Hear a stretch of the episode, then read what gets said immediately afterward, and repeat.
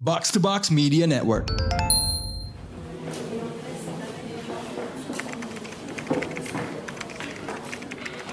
Eh buset, jam istirahat gini masih sibuk banget. Ngerjain apaan lo? Oh, ini gue lagi ngerjain tugas buat pengantar politik. Lah, bukannya itu datanya masih minggu depan ya? Oh iya, sebagai pemuda teladan, saya ingin menjadi contoh agar Indonesia bisa jadi negara maju. Kok lu topis banget sih? Mungkin kita udah sering dengar istilah tadi digunain secara peoratif alias dalam nada yang merendahkan. Utopis, sesuatu yang bersifat utopia. Tapi apa sih arti sebenarnya dari utopia? Dari bahasa mana? Dan gimana awal mula kata itu digunakan?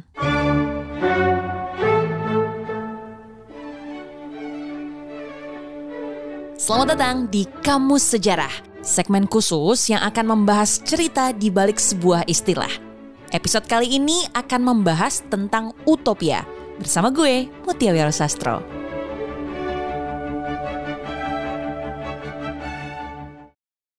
Utopia berasal dari bahasa Yunani. Uniknya, kata ini justru digunakan dan dipopulerkan oleh seorang penasehat utama Raja Inggris pada abad ke-16. Dia adalah Sir Thomas More yang menerbitkan buku berjudul Utopia. Dalam karyanya itu, More menampilkan suatu masyarakat yang menurutnya ideal. Mereka tinggal di sebuah pulau berbentuk bulan sabit. Ada 54 kota di dalam pulau tersebut. Secara total ada 6.000 tempat tinggal.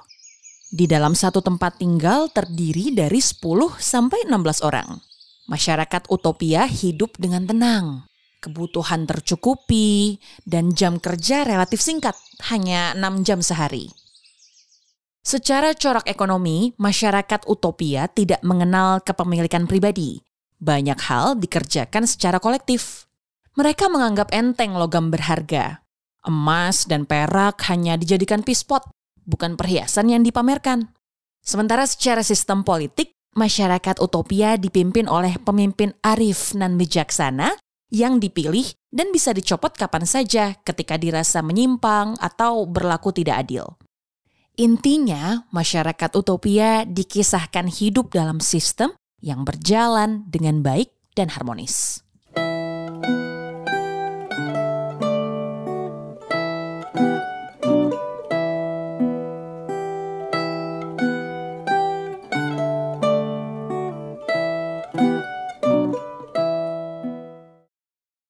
Satu hal yang menarik dan sering disorot dari buku Thomas More adalah keputusan memilih nama Utopia sebagai nama tempat dari masyarakat ideal. Utopia terdiri dari kata topos yang dalam bahasa Yunani berarti tempat. Kata itu mendapat prefiks atau awalan o yang artinya tidak. Jadi, utopia secara harfiah berarti tempat yang tidak ada. Dari soal penamaan inilah muncul beragam interpretasi dan perdebatan yang panjang. Apakah Thomas More menulis Utopia sebagai karya satir?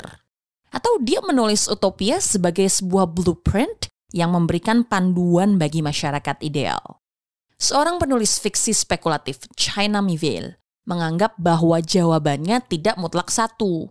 Utopia karya Moore bisa kita baca sebagai satir yang menyindir baik realitas atas sistem yang sedang berlaku, sekaligus bermain-main dengan imajinasi atas sistem yang ideal.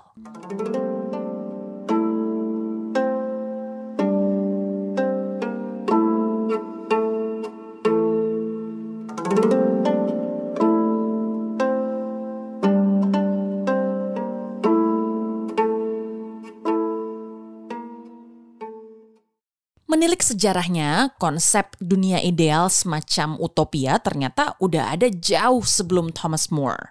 Dalam literatur dan pemikiran Yunani, kita akan menemukan banyak tokoh dan konsep soal dunia dan sistem ideal. Ada Euhemerus yang menulis catatan perjalanan fiktif ke tempat bernama Pancaya. Ada juga Yambulus yang mengunjungi Island of the Sun alias Pulau Matahari dan menuliskan catatan pengamatannya. Satu yang paling terkenal dan tidak bisa ketinggalan adalah mitos Atlantis yang dikembangkan oleh Platon sejak 360 sebelum Masehi. Atlantis jadi alat untuk menggambarkan sistem politik dalam risalah Platon soal republik. Setelah masa para pemikir Yunani dan setelah Thomas More menulis Utopia, banyak pula yang mengembangkan gagasan dunia ideal. Ada sekian banyak penulis fiksi yang punya pandangan visioner. Ada pula arsitek yang merencanakan kota, bahkan sampai musisi seperti John Lennon punya mimpinya sendiri. Imagine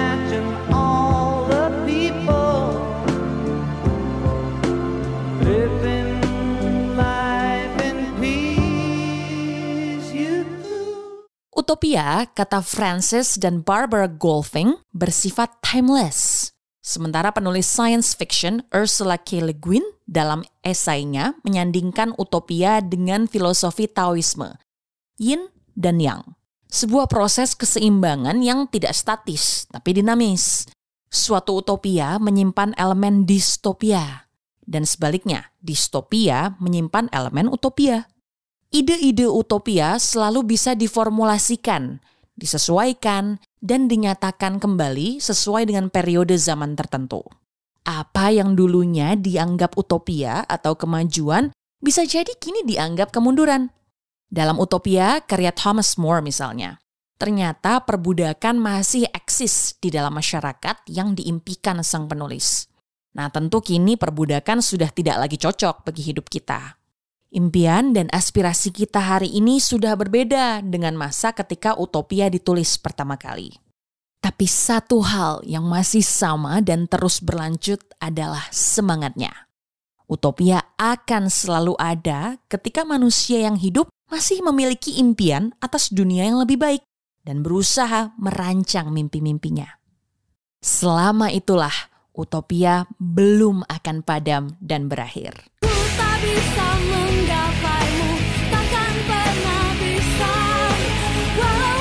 Begitulah arti dari kata utopia dan asal-usul katanya. Gue Mutiawi Rosastro pamit. Jangan lupa buat follow dan kasih rate podcast sejarah di Spotify dan platform podcast lainnya.